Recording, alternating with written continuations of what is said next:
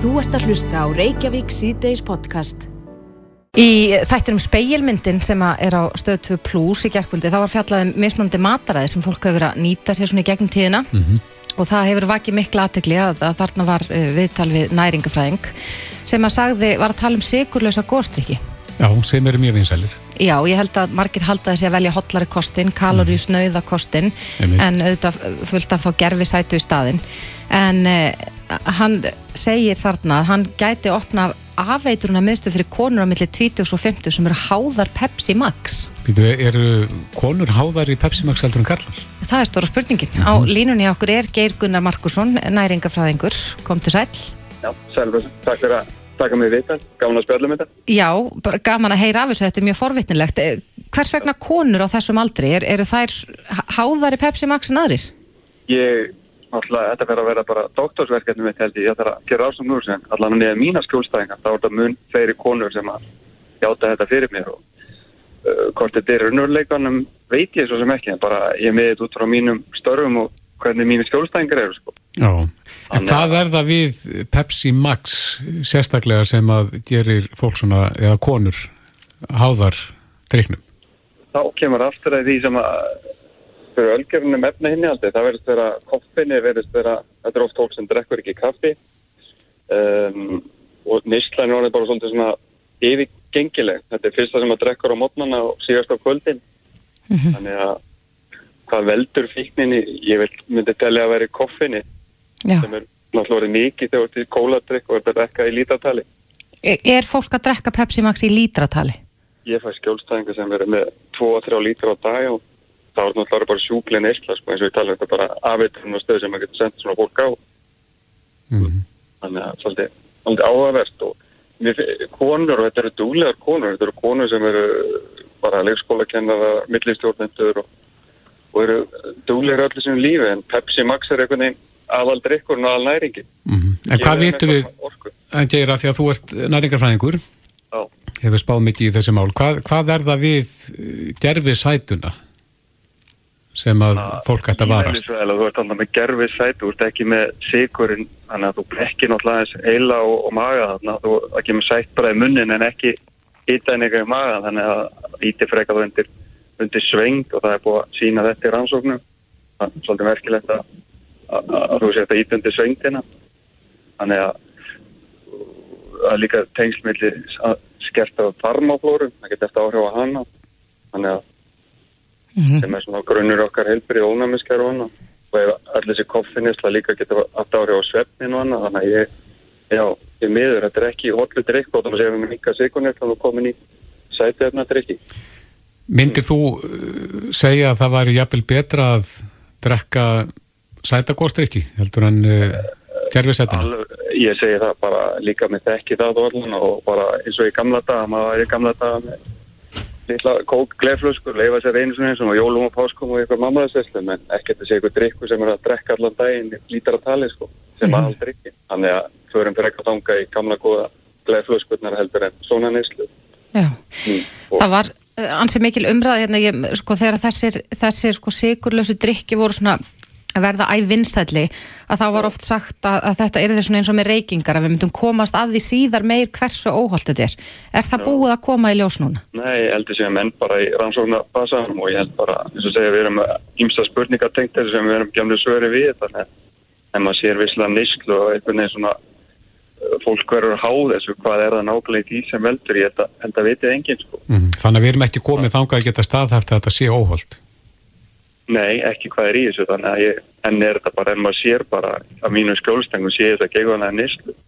Horfið líka bara á fólk sem er mikið í þessu, er þetta fólk sem vilt vera hugsa mikið um lífstílinn eða næstu að fara í búðina, kikið hver er þetta mesta svona drikkið með korfuna er þetta fólk sem er, er með heilsunni lægi að þið haldið eða kannski er ég komið smá fordóm en samt eitthvað svona pæli og líka eh, feitasta þjóði heimi Norður Amerika, Bandaríki framlega mest af svona sætið þarna vörum og drikkjum en samt einn óheilbreyðasta þjóði heimi.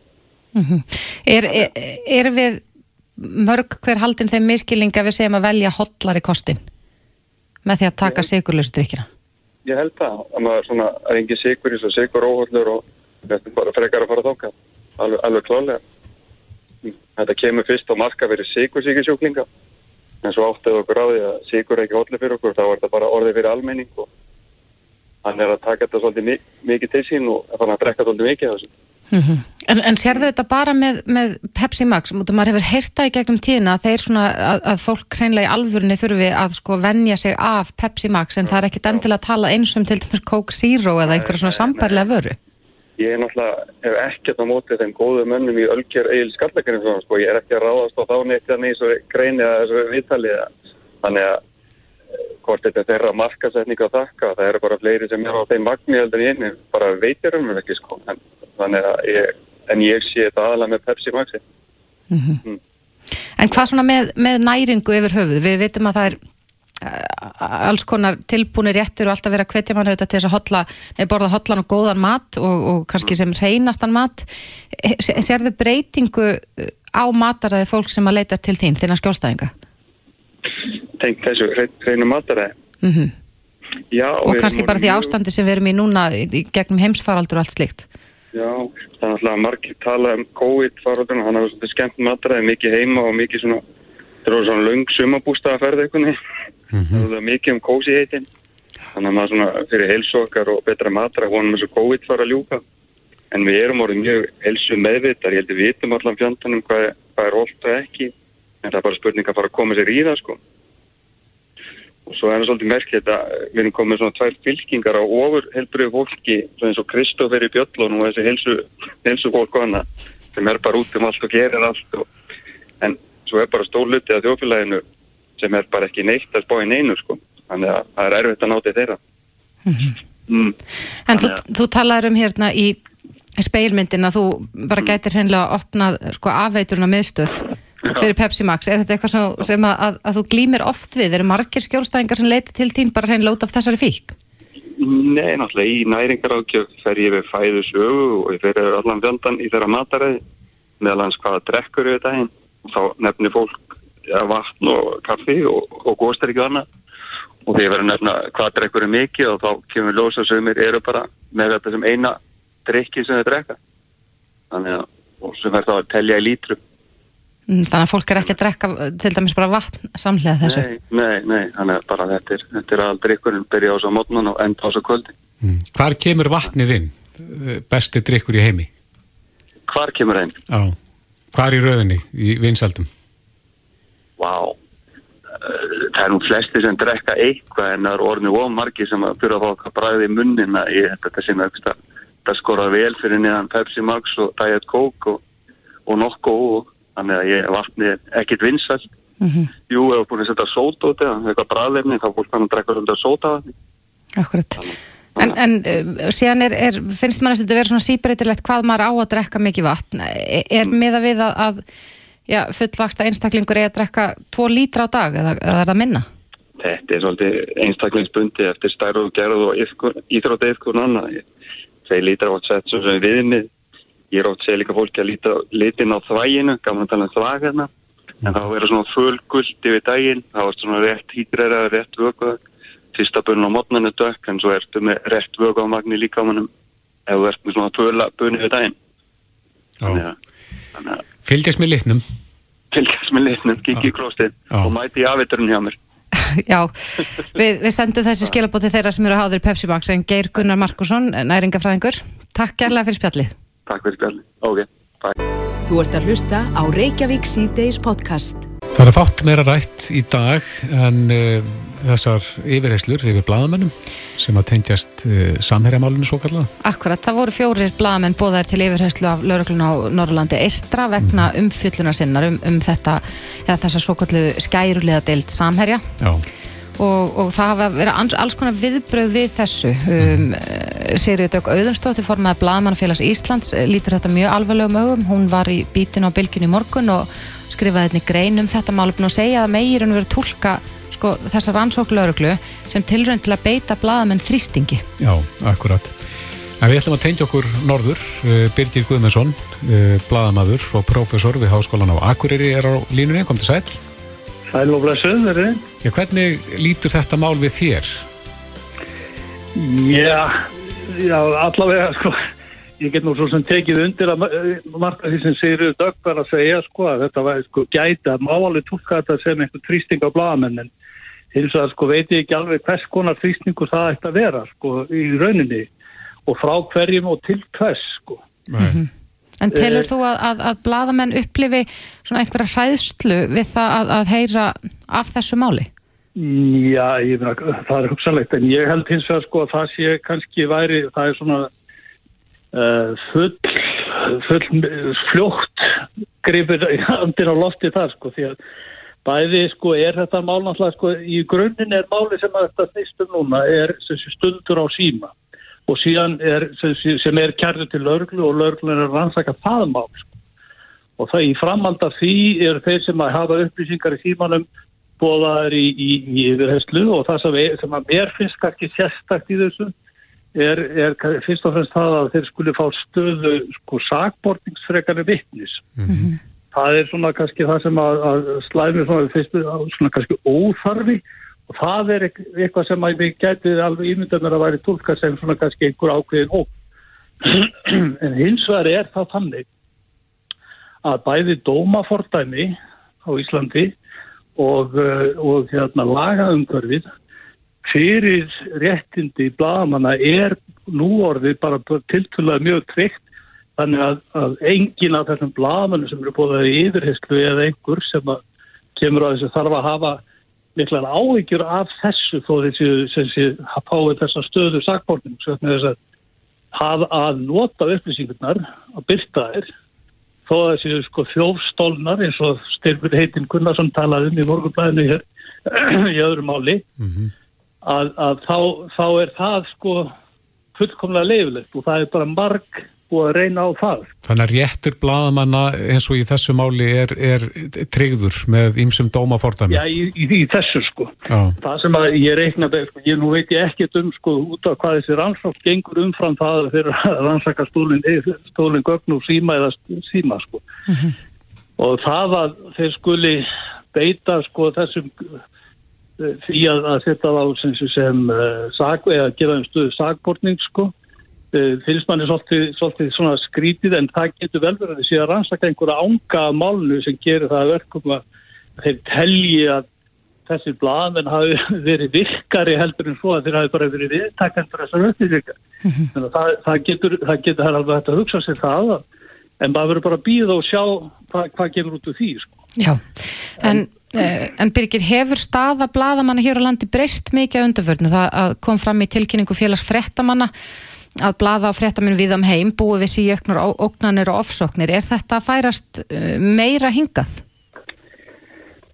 Já, það er svona verið aldrei mantra að, halda því fram og mannum finnst það sko og það er sem sé að menn vita að það er heilmikið ofbeldi sko og hótanir í garðbalaðamann en ég veit ekki sko, það er ekki erfitt að segja hvort það hefur aukast mikið eða ekki sko, en þetta er til staðar er, og mælingar sína það sko. En þegar þú talar um hótani gegn blaðamennum þá ertu þá að tala um, já þú ert ekki að tala um frá opinberum aðilum.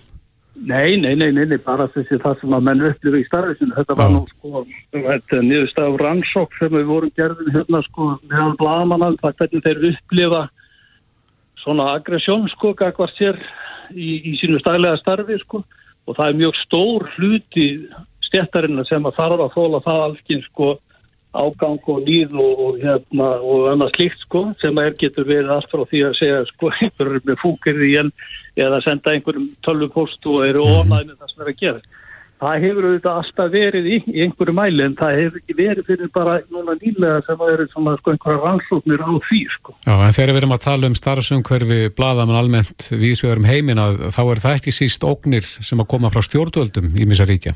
Já, ég meina það, það og það er tal, sem sem talstöð annars eðlis mitt ég halda sko heldur við höfum hér. Það sem hefur hins vegar verið að gerast er að sko, umhverfi bladamanna hefur verið að styrkjast hér að laga umhverfi og sem sé sko til dæmis ég finna bara með í fjölmjöralögunum er þar er eh, sem sé að beinlega ákvæði um sko vend heimildamanna og annað slikt sem að var ekki sko hverði einn skýrt áum í öðrum hérna lögum sko þó að hér áður þó að það hafi verið dómar hafi gengið um það að, að sem sé, menn geta varið sína heimil, heimildamennis og, og hérna þessi máli Agnes að Braga sem við nefnir það fyrir lífandi lungu um, um sísmálið og annað slíkt sko.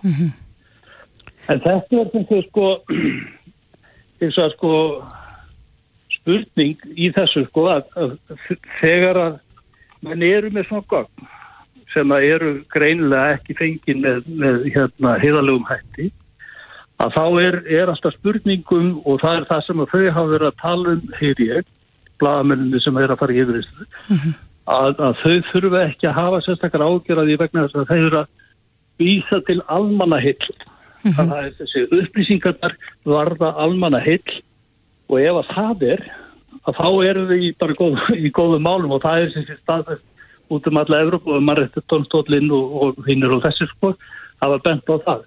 Og við höfum sko reyndar það sem við sérstætt líka við þetta þetta er sem sé brot á hegningalög en ekki svona engamál eins og hefur verið hingað til sem sé meðirðamál og annað klíkt mm -hmm. að, að hérna þannig að það er hefur ofinberð, það er ákjörvaldi sem er að sækja máli Já, en... rannsaka í þessu máli er að rannsaka. En ef við tökum sé annað fræktmál sem að voru þetta tölvupóltar Jóninu Bett fyrir í bauksumkörfinu á sínum tíman að þá voru sem sé tölvupóltar sem að hefur verið teknur ófrálfi hendi og bæði djafaf og frettablaði byrtu upp úr þessum gögnum frettir Frett, og þetta fór fyrir dónstóla frettablaði byrti sem sé valdi úr gögnunum eitthvað sem hefur töldu auðljóslega tengjast bauksmálunum mm -hmm.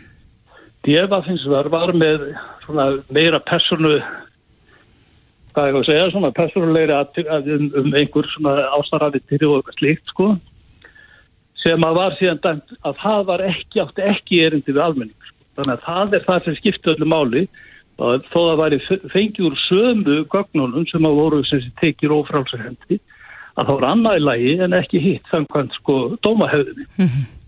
En nú hefur... Þessu tilfelli held ég að það sé allir samálum að, að það, það sem að þessi förmiðar voru að byrta átti erindi við almenning og var hluti af þjóðfélagsumræðinu á þessum tíma. Sko. Akkurat. En uh, nú hefur formað Blamanfélagsins einni bent á það að, að í raun og veru að það að bladamenn byrja skilda til þess að vernda heimildarmenn sína. Jafnvel þó að upplýsingarna sem umræðir eru fengnar með ólögumætum hætti. Er það alveg kýr skýrt svona í fjölmjöla umhverfi að jafnvel þó að upplýsingar séu fengnar með þessum hætti að þá skal verða þessa vernd? það er bara það er ég verið að vísa til þess aðan þegar ég tala um fjölmjölögin sko það er bara að spilni segir í lögunum að það er bannað að, að, að hérna, hann má ekki gefa peifaldamenn sinni Þannig að jafnvel þó að ég yfir herslu hjá lauruglu uh, séu blaðmenn beðnur um þessar upplýsingar þá berðum ekki skilda þess að veita þess. Það er megað ekki.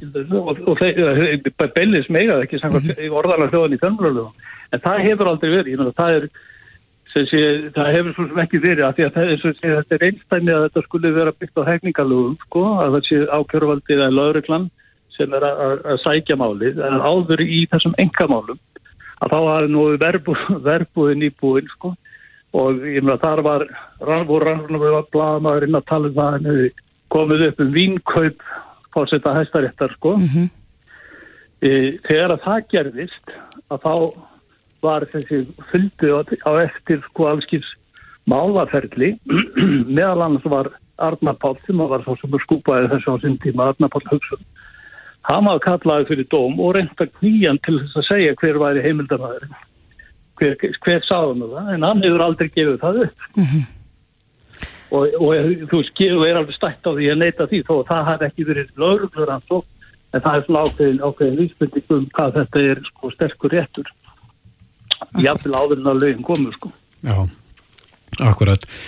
Já, ég veit að margir fylgja spennti með því hvaða eh, stefnu þetta mál kemur til með að, að taka en eh, Birgir Guðmundsson, bladamadur og prófessor við Háskólan á Akureyri. Kæra þakki fyrir þetta. Já, okkidokk. Þetta er Reykjavík C-Days podcast. Reykjavík C-Days á bylginu heldur áfram.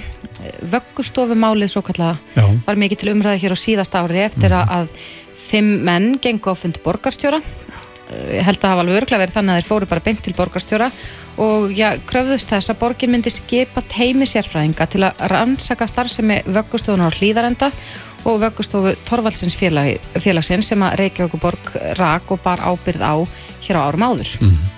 Og einn af þessum fimm sem að gengur á fund borgarstjóra var Viðar Eikjarsson, leikar og leikstjóri. Komdu sæl? Já, komdu blessaður og sæl. Já, hver var nú kveikin að því að þið ákvaða að taka ykkur saman, fimminningarnir og, og fara á fund borgarstjóra? Já, ég svaraði svona óbeint að þá var hann þetta fyrst og fremst að við áttum allir að samilegt að hafa á einhverju tímapunkti í bensku okkar verið börn á þessu vöggstofun mm -hmm. en það var Raffn Jökulsson sem að hóað okkur saman á sínum tíma til þess að að fara á fundu borgarstjóra og hafði þá undirbúið þetta mjög vel og einn af hóknum var og er Árni Há Kristjánsson sakfræðingur sem hafi gert mjög góða greinagerð mm -hmm. um starfsemið þessara vöggustofa frá árunum 49 til 73. Vissu þið hver af öðrum þið þinn? Nei, Raffn vissi á okkur öllum. Já. Og af því að ég hafði á sínum tíma gert uh, svona heimilda þátt fyrir útvarp sem ég hafði eitt nokkrum árum í að búa til. Mhm. Mm og hafði sapnað tölverið miklu efni. Ég sapnaði vikl sjöklökkustundum af upptökum sem ég klifti í 50 minna út af sátt 1993 mm -hmm. um, raun og veru veru mína á vögglustofunni og tvíbröðsýstu mína Akkurat. og þegar að það leitaði mín að vera með í þessu þá var hann aðalega að hugsa um vögglustofu Torvaldsins en ég sæst ekki vera með nema vöggustofan á slíðarenda yrði með því að það var vöggstofan sem ég var á og hún var starfrætt frá 49 til 63 mm -hmm. og þá tók Torvaldsins félags vöggstofani þannig að það var áhjákvæmilegt að hafa tíðarenda með því að öll hugmynda minna á bakvið rekstur vöggstofana og hugmynda fræðunar var byggð þarna á líðarenda og síðan bara áfram haldandi starfsemi á Torvaldslandsfélaginu.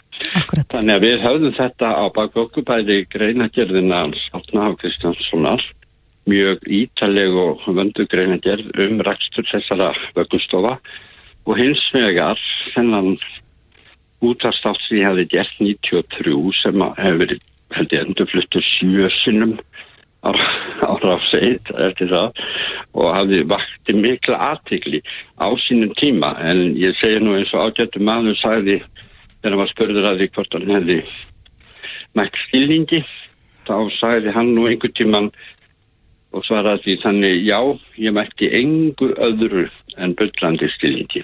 Mm -hmm. þannig að þessi útvarstáttur vakti mikla aðtikli en ekkert annað, það gerðist ekkert. En það má segja að svona að uh, annað mjög merkileg, annar mjög merkilegur aðbörður í sögu vöggustofana gerðist árið 1967 þegar að Sigurjón Björnsson sálfræðingur og þá bæjarfullstrúi eða borgarfullstrúi sem heitir í dag stóð upp og helt mjög uh, mikla og aðtilsverða ræðu um veru barnana á vöggustofunni hlýðarenda og tófarsins og afleiðingar á veru þeirra þar og meðferð á börnunum. Mm -hmm. Þessi ræða var byggð á rannsók sem hann gerði og hann skrifaði líka uh, grein um þetta en það vakti engin viðbröð eða ekki, jú, það vakti bara andúð og, og reyði í garð Sigurjóns mm -hmm. en ekki að gerðist. Nei, en uh, sko viðar, eh, þessar vöggustofur þetta bara síns tíma og, og,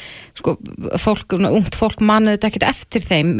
Var þetta þannig að, að mæður sem að hafi mögulega verið erfiðri félagsleiri stöðu uh, voru í raun og veru látnar eh, fara með börnin sín þangað? Það var, það var sem sagt af ymsum ástæðum sem það var. En fyrst og fremst verður við að horfa til þess að þessum tíma eins og tumis móður mín sem er einstamóður og eignast tvýbura. Mm -hmm. Hún getur ekki haldið áfram að vinna með tvýbura. Og það er ekki tæringarólof. Mm -hmm. Og það er húsnæðarsekla í Reykjavík. Og það er raun og veru nánast engin pérlastleg aðstóð eins og við tekjum í dag. Svo hún átt ekki margra kosta völ. Hún setur okkur þarna til dæmis mjög tvýbursistur mín að það er 17 dagar gömul. Við erum bara brjóstmyldingar og förum það inn 17 daga gömul og við erum að ég best veit vorum þarna alltaf að barna lengst við vorum þarna að þanga til vorum 20 hálsás Átti ykkur að minningar frá þessum tíma? Nei, mannst þú eftir þessu kottubarni? Nei, reyndar ekki. Þetta er nefnilega vandamálið. Þetta, þess vegna sko hefur það gert í tíman rás að það hefur enginn í sjálfu sér verið til afspurnar um eigin dvöl á vöggustofu. En fólk aftur á móti það er til ennþá og þeim fyrir pakkandi sem að er til ennþá sem að unnuðar og fjölmarka konur sem að hafa, ekki fjölmarka en þá nokkra konur sem að unnar á sínum tíma hafa verið bæðið sambandi við mig og í gegnum tíðina út af, út af sættunum og svo núna út af þessu erindi við borgastjóra það sem að hafa verið að staðfesta frásagnur okkar og lýsa yfir sko stelvingu sinni yfir hvað þeir horfðu upp á, á meðferð á börnunum. Getur þú nefnt okkur dæmi um það? Meðferðina? Já. Það er, það var, stofurna voru algjörlega döð hreinsar. Það voru hvítar, golf og golf og það var ekkert inn í þeim annað en rúm basnana. Það voru enga myndir á vettjónum. Það var engin leikfung. Engin hlýja? Engin, nei og bara börni lágu í rúmanum allan daginn mm -hmm. og þau fóru aldrei út nema á bestu góðveristögum. Það voru rúminn kerð út. Þau voru ekki sjálf að leika sér út í. Mm -hmm. Það var ekkert, það var bannað raun verið að halda þeim nema til að gefa þeim að borða. Það var bannað að taka þau upp eða grétu. Það var sem sagt ekki sínd neyn sko örfun líka andleg eða tilfinningarlega örfun eins og með þegar ég og tvíbrasysteminn kom út þá erum við bara eins og dýr í búri og það má alltaf nokkuð snert okkur. Við erum döðurhættið umhverfi við þaðum við aldrei mynda mótefni við erum sjúkdómum við kunnum ekki að tala við kunnum ekki að vera innan um annan fólk. Mm -hmm. Það sem að eins og allir vita og vissi þá þegar á þessum tímum eins og ég ræðu Sigurður Spjörsson sálfræðin 67 meðan þá verið að starfrækja vöggustofunar og það eru starfrættir í mörgar eftir það. Þá varar hann við því sem gerist með unga börn sem fá enga eh, andlega örfun mm -hmm. og enga snertingu og ekki tilfinningarlega örfun, ekki málþroska, ekki til þess að að, að þau þrostist á anslegan hátt Nei. að þá gætu þau verið það sem maður kallar haldin hospitalisma sem er afleiðing af slíkum slíkur meðferð og lýsi sér í ymsum mantróska fél, eh, með félagsli tengsl í framhaldinu. Já, en þið viljið við þar að það verið kannad sko hversu mörg börnu voru vistu þarna á þessum á starfstíma þeirra?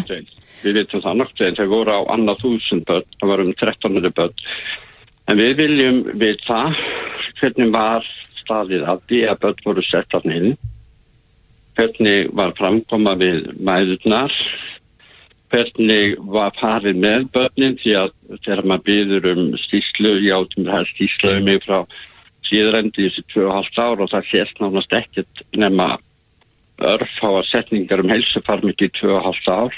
Samt var það barnahjókurinn kona sem er, er, var fórstuðu kona og það sést einu, eina sem er sést að svona línuritt um þingdaraukningu En telur við þér að, að þessi meðferð ára sem kornabarni hafi háðir síðar á lífsleðinni? Já, já, já, þetta, en ég var reyndar mjög heppin, ég lendi uppáhaldi, þannig að var haldið stundum á mér og, og svona, þannig að ég er svo sem ekkert að leita personulegum einhverjum sigurum, ég er fyrst og fremst að leita að eftir því að þessi meðfennsinn sem þarna var og það voru margir sem fóru miklu verð út til þess að ég jafnveg þó yrður mjög stökt. Mm -hmm. Ég gleymi ekki sögurni af manninum sem kom til mér einsinni. Það var eftir að þátturinn með maður frumfluttur. Þá sagða mér frá því fullari maður, uh, eitthvað yngre ég, hann hefði verið þarna á vöggustofunni og hann, Ammas hefði bjargað honum. Og vegna þess að hann var bara nokkla vikna gamall og hann var að fremja sjálfsmórn. Nú, hvernig? Unga barnið sem sett var skilðið afskiptalist eftir og hann hætti að taka næringu, hætti að taka öllu lífsviljin sloknaði í barninu. Já, já. Og það var ekki, og það dói börnuna og það var kapitla í kjallarhannum. Og síðan er annars þáttum málsinn sem að það líka rannsaka það er innar óeðlegu að við viljum meina ætliringa fjöldi sem varða börnunum. Mæðurnar fengu að koma og leggjast á rúðu og skoða börnum fengu aldrei að snerta börnum sinni eins og móður mín snert okkur ekki tvö alls ár. Að hún fekk bara að leggjast á glugga og horfa á okkur. Og það var stundum önnur kona við hlýðin á móður sem var að horfa á barnið sig sem var að horfa á barnið líka og það var kona sem ætlaði fyrir að ætlaði barnið. Gegn vilja móðurinnar þá? Já, það, svo var hitt. Hvernig var viljum fengið fram. Hvaða aðstöður höfðu þessar konur? Stundu voru þar fár veikar. Það var sérst að þeim og það er kvartar til að láta börnur af hendi. E, það gæti verið að kona var allir að barn og gerðist að jætnan, ekki jætnan eða kom fyrir að börnur var stílað og að prófa annað eintakt Mm -hmm. Þetta er bara verið eins og í verslun. Já, þetta var svona, það voru betri borgar. Þetta var af kaldastíðstímanum þannig að þegar Sigurðan Björnsson heldur þess að frægu ræðu í borgarstjóð, þá er hann minstri maður. Mm -hmm. Og þeir sem stóðu af eitthvað stónum voru góðar konur og betri stettum. Og það var bara álitið að Sigurðan væri að ráðast af þeim í pólitískum tilgangi. Mm -hmm. Og þess vegna var engu breytt þó að hans sálfræðingu segði frá því hvað þarna væri á segði þá breyttist ekkert af því að það var lítið svo á að þetta væri bara politíst ofstækji mann mm -hmm.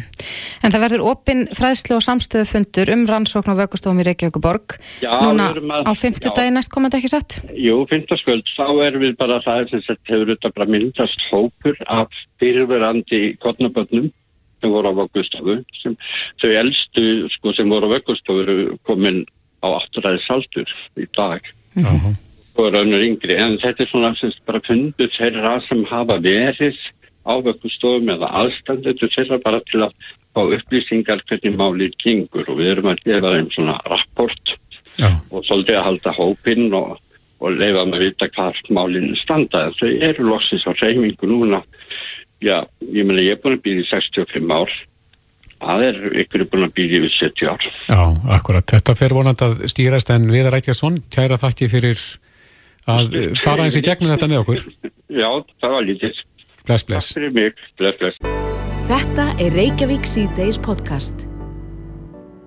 Við hefum hert að því að e, sínatakkan, eða það er að segja að greining sína tekur mun lengri tíma heldur en áður eftir að Íslenska veðgreining hætti að greina? Já, ég held að einhverju sé nú að býða því hátt í tvo daga af, af því sem hann skilst mm -hmm. En við veitum auðvitað að það er ennþá fjöldi fólks að greinast í, í þessum sínatökum, það greindist 1712 innanlands í gæs mm -hmm. en þó að, að, að sko faraldurinn sé að breytast mjög mikið að, og helbriðsráþra hefur sagt að hann stefna því að aflétta öllum sótvarnar aðgerum eftir tíu daga mm. og jáfnvel fyrir ef aðstöður leifa. En er minni þörfa að fara í próf núna heldur náður? Já, það er spurning og við heyrðum nú í Kára Stefáns um daginn sem sagði að við ættum að já, hætta þessum sko, miklu sínatökum eins og við höfum verið að gera mm -hmm. en ég held hins vegar að tilmælinn séu ennþá þau að, að ef maður finnur fyrir einkennum eða jafnvel fær í ákvættur heimaprófa þá eigi maður að eh, fara nýra á Suðlandsbröð eða þar sem að sín eru tekin og fara í PCR-próf. Spurning hvort að fórstjóri helsugesslan og höfuborgarsæðinu staðfesti þetta og, og hérna Óskar Egdalsson kom til sæl. Já, komið sæl. Ja, hvað sér, er, er það ennþá í rauninni stildamanns að, að fara í skimun ef maður fær jákvæmt úr heimaprófi? Já, það er það ennþá og þá er semst alltaf til þess að þeir sem eru með einhver enginni í raun hvort sem það er jákvæmt heimaprófið ekki að, að fara á í PCR-mælingu mm -hmm. og þetta er svona til þess að fylgjast með útbreyslu sjúkdómsins, þannig er það núna en auðvitað getur orðið breyting á eins og hefur þið gefið í skinn Mm -hmm. En þetta vex sumum í augum þar sem þetta tekur svo langan tíma að fá niðurstöður? Já, enn sem komið er þá er, er það þannig að spítanir ræður ekki alveg við þann fjölda sína sem tekinir er daglega núna.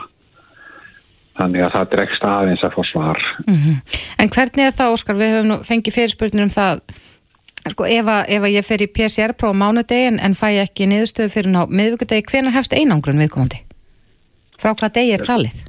Það er talað um það um leið og sínið tekið. Mm -hmm. Já, frá sínatöku deginu. Já, þannig að þú, þú, það frestast ekki þangað til að græjan fyrir að virka sko. Þetta kemur að leiða að þú skilgreinir þig í einangrun vegna grunns um COVID í rauninni. Akkurat, þannig að í raun og veru ætti ekki að skipta henni máli þó að fólk býði tvo daga eftir staðfestingu á smiti. Nei, það má segja það og síðan er hitt auðvitað að ef þú ert kvefaður og með einhver veikinda enkenni þar sem að þér finnst að geta verið COVID, þá getur það líka verið einhver andur veirusíking sem er bara gott að þú sést ekki að dreifa Mhm. Meðal annara, þannig að það er allt í lægi að hafa svona smá byggð. Mhm. En sumum eh, kannski sumir geta það ekki, eða telja sér ekki geta það kift sér út úr samfélaginu í kannski tvo daga á meðan að það er beðið eftir neikvæðu síni Já, ég veit ekki hvað maður getur gert við því eins og staðan er núna, sko, þá er allan þessar vinnureglur, en, en það getur breyst eins og ég segir, það er alveg sum lönd sem taka mark á hraðgreiningaprófum. Það er að segja að það kemur í ákvæmt hraðgreiningapróf sem þú tekur sjálfur jafnir, þá tilkynir það bara inn í ákveðin uh, stað og þá er það bara komið inn til jafngildis við aðrar rannsóknir. En er það ekki orðið þannig hér? Nei, það er ekki þannig hérna núna. Serðu fyrir að það gæti breyst á þann vega að, að þessi hraðgreiningapróf sem tekinu er heima fyrir væri bara hennilega gild sem staðfesting á smiti? Ég held það því að mjög fá, sko það er mjög lítið um falskt jákvæð síni. Það er að segja að þú sért mælir eins og sért með COVID en ert það í raun ekki. Mhm. En það er eins og eitthvað um falskt neikvæð síni. Það er svegnar mælst ennþá með því að, við tökum PCR-röllum sem eru með einkenni. Akkurat. En, en eins og við segjum að þá sko, eru þetta faraldurinn að þróast eru ennþá jafn margir að mæta í sínatöku til ykkar eins og, eins og áður þegar að það var aðeins hertari reglur Nei, nei, það er miklu færi núna. Við, erum, við tökum færa því við erum ekki að taka neins svona sótkvíða síni. Þess að fólk er ekki að losna úr sótkví. mm Nei, það er engin í sótkví. En hvernig eru tölurnar þá núna? Hversu margir er að mæta? Já, sko, það er um það byrjur 40-50% af öllum sínum uh, jákvæð. Þannig að við takum þessar tölur um 1700 jákvæð síni, að þá ætti að vera svona 3500-4000 síni sem verður að taka neða við það. Já, hlutfall e, síktra er svona hátt af heldar menginu Einmitt, það er þannig núna. Já Það er mjög, og það er ábyggilega vegna þess að það er, fólk er síður að fara í síni og það er ekki jafn mörg svona sótkvíða síni sem voru langt flest neikvæð. Nei. Þannig að sá sem að finnu fyrir einkennum í dag að það eru þá 50% líkar á því að hann sé með COVID? Já, það er að segja ef hann, já 40 kannski, það er að segja ef hann finnur fyrir einkennum og heldur hann sem er COVID, þá eru 40 slíkur hann sem er COVID. Þetta eru mjög breyttar tölur frá því áður. Já, þetta eru þær tölur sem gefnar út í dag, þetta er bara... En er þetta að ekki svolítið það sem búist var við þegar að- að við svona aðeins já, sleftum fólki lausu, engin sóttkví og, og þarframti götum að, að við myndum sjá þessar tölur, að, að þeir sem myndum mæta með enkenni væru já, kannski ekki líklega síktir en, en meiri líkur að því. Jú, jú, en kannski er það líka bara það að það eru færri að mæta í sína tökur sem eru kannski, það er kannski fólk með einkenni, það er nú kannski líklegt, ég hef nú heyrt þær skýringa að mögulega eru bara fleiri með COVID, heldur en raunverða við vitum um, eins og, og þið hafið heyrt um rannsókninga frá Kára, að kannski helmingi fleiri búin að fá COVID heldur en við höldum, eða jafnvel ennþá fleiri, Mm þá er þetta nú ansi mikið út um allt. Já, en e, fjöldi þeirra sem er að mæti sínatöku núna, hérna, engina sínatöku, svo tala fer niður á við þessa dagana. Já, já það hefur fækkað síðan, já, jú, það hefur fækkað aðeins, en aðalega er þetta náttúrulega sóttkvíða síni sem eru ekki lengur Já, og og við erum ennþá að taka nokkuð mörg sín í Keflavík og þannig að eh, afkast að geta spítalans gæti breyst ef að það er einhverja breytingar á til dæmis. En svo, svo við imbrunum að því að ef að fólk finnur fyrir enginu með að færa mögulega jákvætt heimapróf að þá uh, hvetjiði fólk til þess að, koma til ykkar í sínatöku. Já, það er akkurat þannig sem við erum mæst með í dag og hvort sem það er hjá okkur á, á hérna Suðansbröðin eða hvar sem er á landinu að þá skráum að sig í PCR sín eða einnkjörna sínatöku. Akkurat. Já, Óskar Reykdalsson, forstjóri Helsvíkjastlun á höfuborgarsvæðinu. Takk kærlega fyrir þetta. Takk sem við leiðis. Reykjavík síðdeis á Bilginni podcast. Fyrir ekki svo löngu síðan þá töluðum við eh, hérna við yðuna fræðslisettur varandi raunfarni mat fyrir eh, sko svona verklegt nám eins og yðná Mhm. Og uh, nú rákust við áhugaverða grein í morgunblæðinu þar sem að er talað um stytting á háskólanámi með raunfærni mati. Já, hvernig virkar það? Uh, já, við ætlum að komast að því og þess vegna erum við með á línu hana Sofju Gísladóttur sem að skrifa þessa grein og er með meistaraprófi í mentavísundum. Komdu sæl Sofja. Komið sæl. Já, raunfærni mati á háskólastíði, hvernig fer það fram? Nú, það fyrir þannig fram og í mjög samfærilegt við raunfæðum að sérst á, á til dæmis í yðnámi eins og við vorum að vísa til í samvætti við yðuna að hérna þetta er í rauninni bara spurningum að meta starfsreynslu til eininga og þá í þessu tilfelli á háskólastíði mm -hmm. og þetta er í rauninni til mjög viða um heim og, og segja, finnar og írar skotar og kandamenn eru mjög framalega á þessu sviði og hafa verið til áratuga og hérna, en við erum í rauninni ekki byrjað á þessu, það hafa verið nokkur svona þróunaverkarni mm -hmm. en hérna, en, en við hefum ekki stíði skrefi til fulls og háskóla eru almennt ekki að bjóða upp á þetta Nei. og það er kannski það ákall sem ég er að koma með núna. En getur þú nefnt okkur dæmið um það hvernig svona getur gengið fyrir sig er, nú bara því að við erum að vinna í fjölmiðlum, getur þá okkar eh, starfi í fjölmiðlum nýst þá í, í fjölmiðla fræði eða, eða er þetta viðtækara?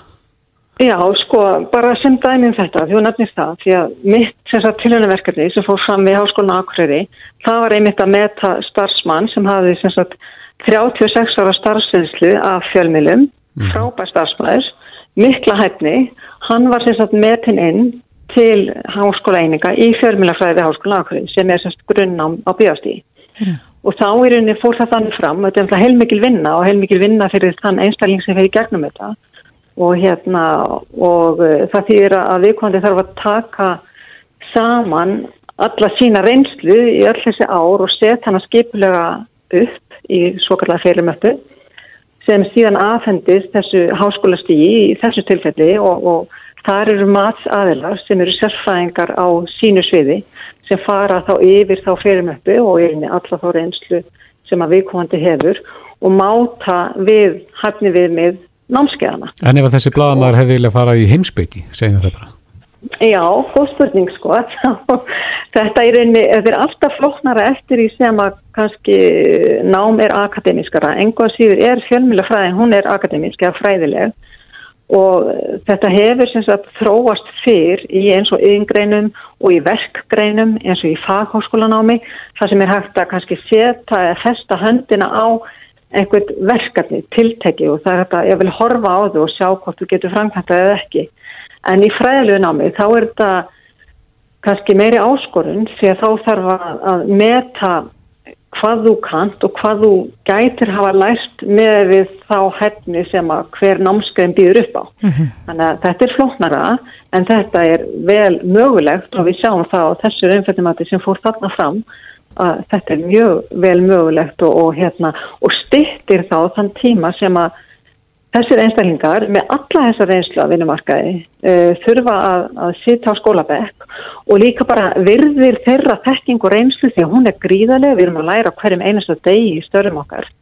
Og því ættum við ekki að fá það með til, til háskóleininga en þetta er alltaf það er svolítið bíl á meðli vinnumarkaðarins og, og, og háskóluna hvað mm -hmm. þetta varðar en, en það þarf ekki að vera Akkurat, en nú er staðan svo sem þannig að, að hvert sem að lítur og, og nánast hvaða starf sem að sér auglist að, að oftast er einn krafa þar að, að háskólamentun sem nýtist í starfi eða eitthvað slíkt, myndi þetta Algjörlega. auðvelda þessu fólki sem hefur verið áratugum saman á vinnumarkað og hyggst mögulega að skipta um starf að geta það með auðveldrætti? Heldur betur og, og þetta náttúrulega hef ég séð í störu mín ég er fórstöðum að vinnumálsvarnar á landi, og Östurlandi og ástæðan fyrir að ég fer þessa leið að fara í þetta tilhengverkefni í námið mínu, það er einmitt að koma til mótsu þennan hóp sem að ég sé koma til mín uh, mjög reglulega. Uh, kannski brotnir vegna þess að þeim hefur ekki tekist að landa störfum eftir þó kannski áratuga langa sparsinslu út á vinnumarkaðin og eru gríðarlega hæfir á sínu sviði. Mm -hmm. en ná ekki landa starfi vegna þess að þeir tikka ekki í bóksið háskólamendun sem er ótrúlega sorglegt og ég vinn bara, já. En sér þið fyrir, Sofía, að þetta geti eh, að svona raunfærni mat sé hægt í nánast öllum greinum innan, innan háskólana? Sko, eh, það í rauninni ætti að vera hægt að meta og, og gera tilhengst að meta jú alla greinar. E, ég veit að það eru kannski mismunandi hérna, hvað að segja, forsendur sem að, deildir gefa sér og eru mismunandi tilbúin að fara í þetta verkefni.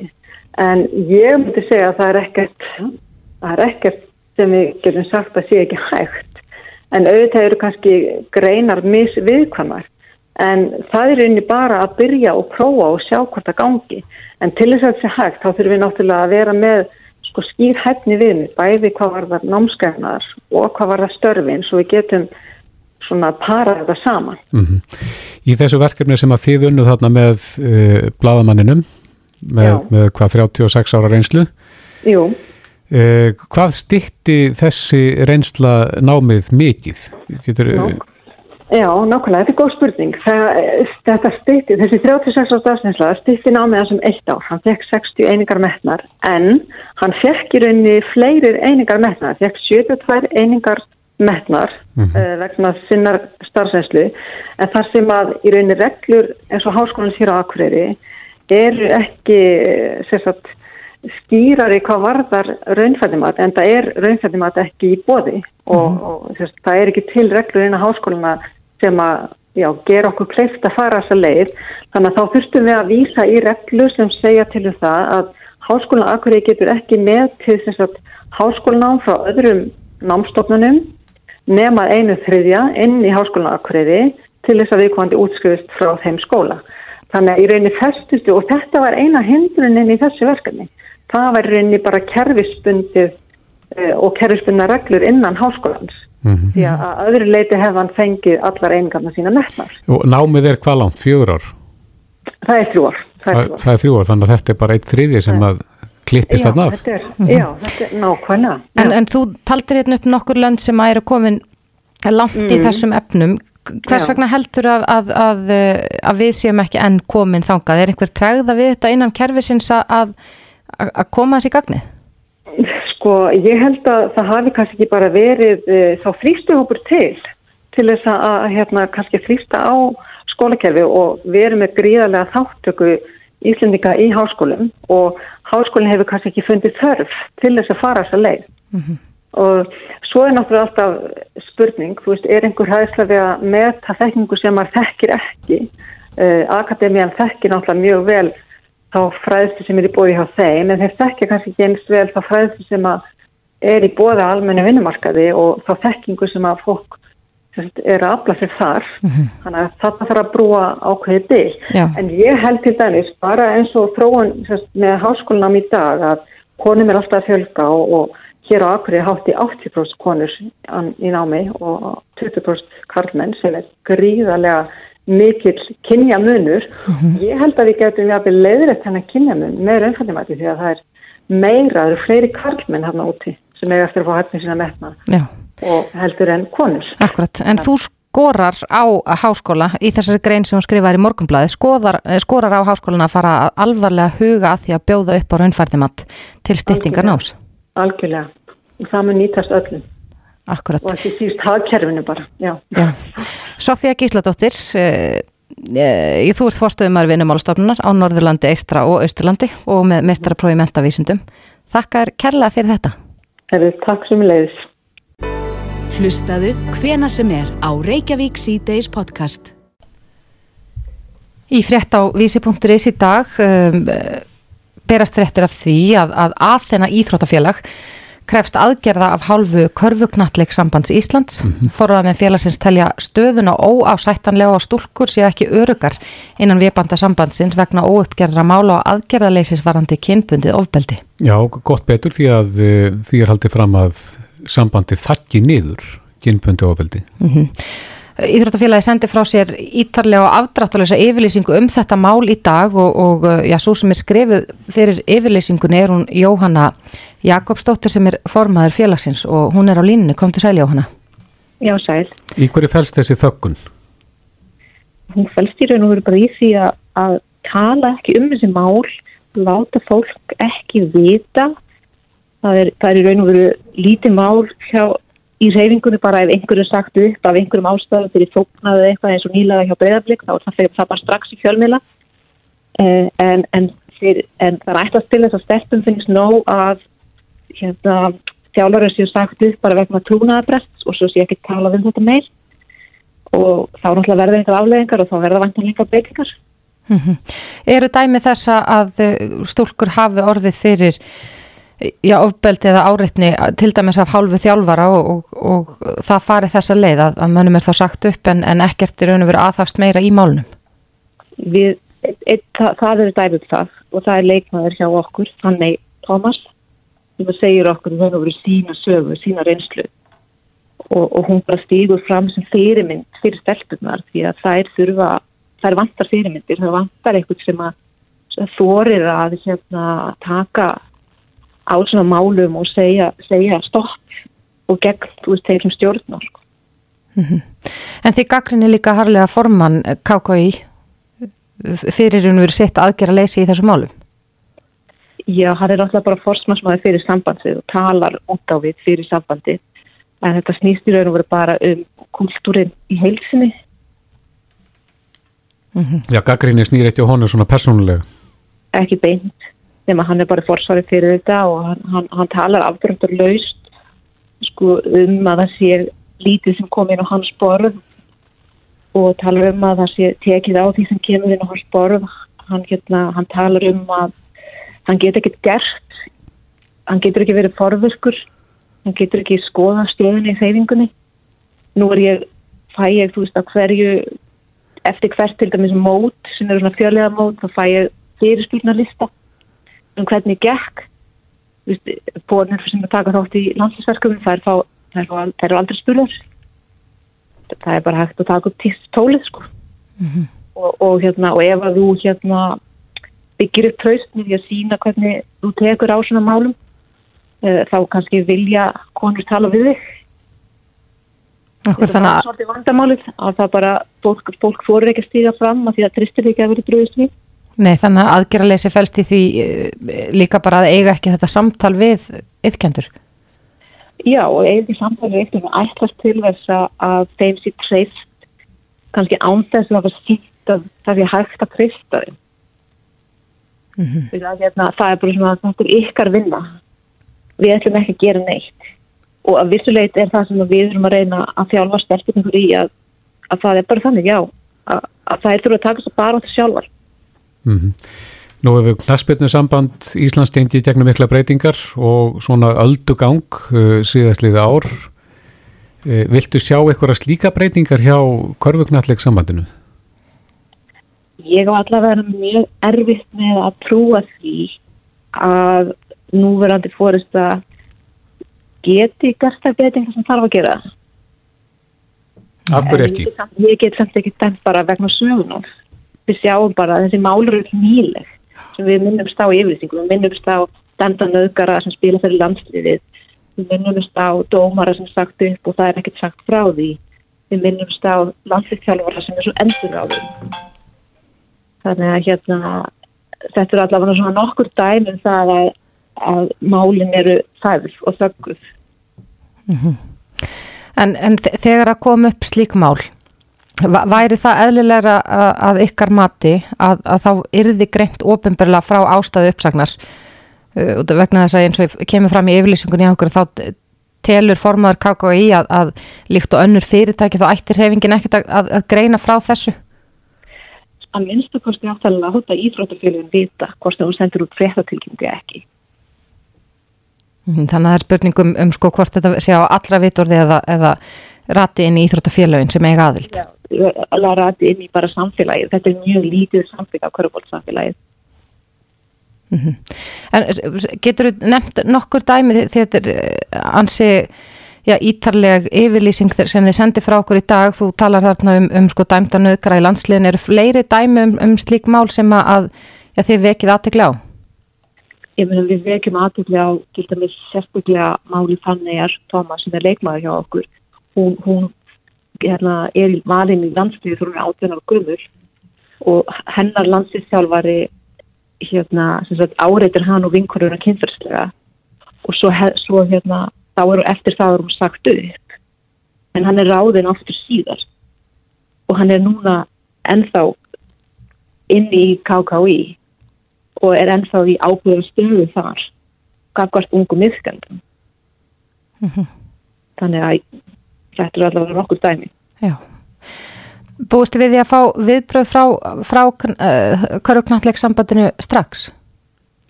ég býst ekki við viðbröðum frá þeim, nei, Engum viðbröðum? nei Nei. Já, það verður forrætnild að sjá hvert þessi mál fara en, en fyrir þá sem að, að uh, hafa áhuga þá er, er þessi yfirlýsingi heilsinn inn á vísi.is á samt samtali við ykkur sem standa þarna að baki. Jóhanna Jakobsdóttir, formaður Íþróttafélagsins aðþennu. Takk kærlega fyrir. Takk fyrir Reykjavík síðdeis á Bilginni podcast.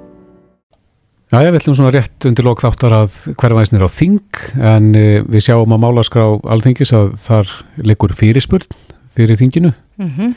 til ráþæra frá Andris Inga Jónssoni, þingmanni Pírata þar sem hann spyr um bólusetningar gegn HPV en HPV veiran er, er veiran sem að uh, veldur leihálskarpamenni Já. og ekki langt síðan að það var byrjað að bólusetja er það ekki 12 ára? Jú, það er ekki mörg ár síðan að nú, nú eru allar eh, sko 12 ára stúlkur bólusettar fyrir HPV veirunni og þetta er eh, aðal orsök svona forstegsbreytinga á krabbameina í leghálsi og uh, samkvæmt þeim upplýsingum sem ég hef nú aðeins verið að samkvæða mér í, í kringum þetta þá er veiran mjög algeng og það er talað um 80% hvenna smitist af henni einhver tíman á æfinni. Já. En heilbyrðisáttara hefur fengið spurningu frá Andrisi Inga Jónsson eins og við sögum hér áðan þar sem hann spyr hvort að ráð þeirra telja ástæð til þess að ebla HPV bólusetningu þannig að hún nái til einstakling af öllum kynjum, ekki bara til stúlna. Og Andris er á línu, kom til sæl. Já, af hverju viltu vika þetta út til eh, allra kynja? Já, vegna þess að, sko eins og ég segi, þá næri þetta rosalega vel utanum leghalskrabbamennin og það var alveg stort skref fram á því þarna fyrir tíu árum þegar rákveða bólusetja 12 ára stúlkur. Það er sko næstum 90% af leghalskrabbamennum á Íslandi sem er hægt að tengja við HPV-sýkingar, þannig að það er til mikils að vinna. En HPV-sýkingar eru líka áhrifðáttur í öðrum tíðandum af krabbamenni. Eins og hverjum? Eh, Það er þá sérstaklega munnhols og munnkvoks og endaþamsópskrabbameinum. HPV er sem sagt veira sem smittast við kynmögg þannig að þetta tengist í rauninni bara krabbameinum sem uh, ja, eiga sér stað annar staðar þar sem fólk hefur kynmögg en í leggöngum. Og núna er staðan svo að sko, öll önnur Norðurlöndur farin að bólusetja alla krakka fyrir HPV til að ná utanum alla þess að ólíku hópa. Akkurat og þetta er líka gert ekki satt bæði sko í bandaríkinum og Ástralju þar eru drengir bólusettir við þessu líka er við að að dragast aftur úr með því að vera ekki bara hreinlega byrjuð á þessu nú þegar Já, mér sýnist það. Við, sko, það var nú smá barningur að fá þessa bólusetningu gegn upphæðlega og það er hvað, 11, 11 ár síðan. 2011 akkurat Já, þannig að við erum bara, já, við hefðum þurft að svona uppfæra þessa áallin fyrir þetta allir síðan. Mm. Veistu til þess, Andris, geta eldri, það er þessi fullornir beðið um svona bólusetningu? Já, og það er líka, en, en þá náttúrulega ferði ekki. Nei. Þetta stend, stendur þessum 12 ára stúlkum ókipist til bóða, Mm -hmm. uh, en við erum til dæmis svona að sjá það af því að lifið sem að er notað í svona ríkisbólusetningunni er ekki lengur það besta á markanum, þá eru foreldrar fannir að jáfnvel, sko, borga 60.000 kall til að fá betra lifið fyrir sína stúlkur. 60.000 Já, þetta er nefnilega, já, hittlifið kostar sitt, Mhm. er því náttúrulega ódýrara ef að ríki myndi bjóða út og kaupa það. Mhm. En það, það er fólk að horfa á að sko lifið sem að ríkið býður upp á, það nær utanum þessar sko tvær algengustu gerðir af HPV en hittlifið nær yfir nýju gerðir af HPV. Þannig að það, það er miklu svona, það nær yfir breyðara svið. Mhm. En á hverju stranda það, Andris? Hvers vegna erum við ekki að nota besta lifið á markanum til þess að, að bólusetja gegn þessari veru?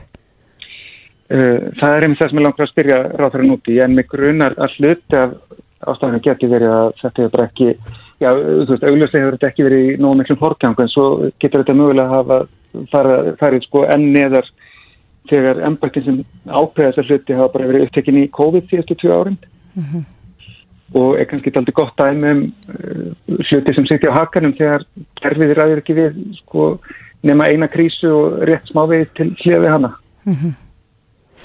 um, ég var nú að, að kynna mér þetta mála aðeins áðan og, og þa- þá rakst ég á sko átt ára gamla grein frá Kristjánu Ottsinni sem var nú lengi hjá samhæfingastöðu krabbaminnskimana þar sem hann er akkurat að benda á það að það gæti verið mikill ávinningur af því að, að bólusetja drengi líka á þessum aldri og, og uh, já, átta árum síðar er þetta enn í, enn í, í sömu stöðu. Býstu við því að, að uh, þú munir ná fram einhverjum árangri með því að byggjum þessi svör frá ráðra?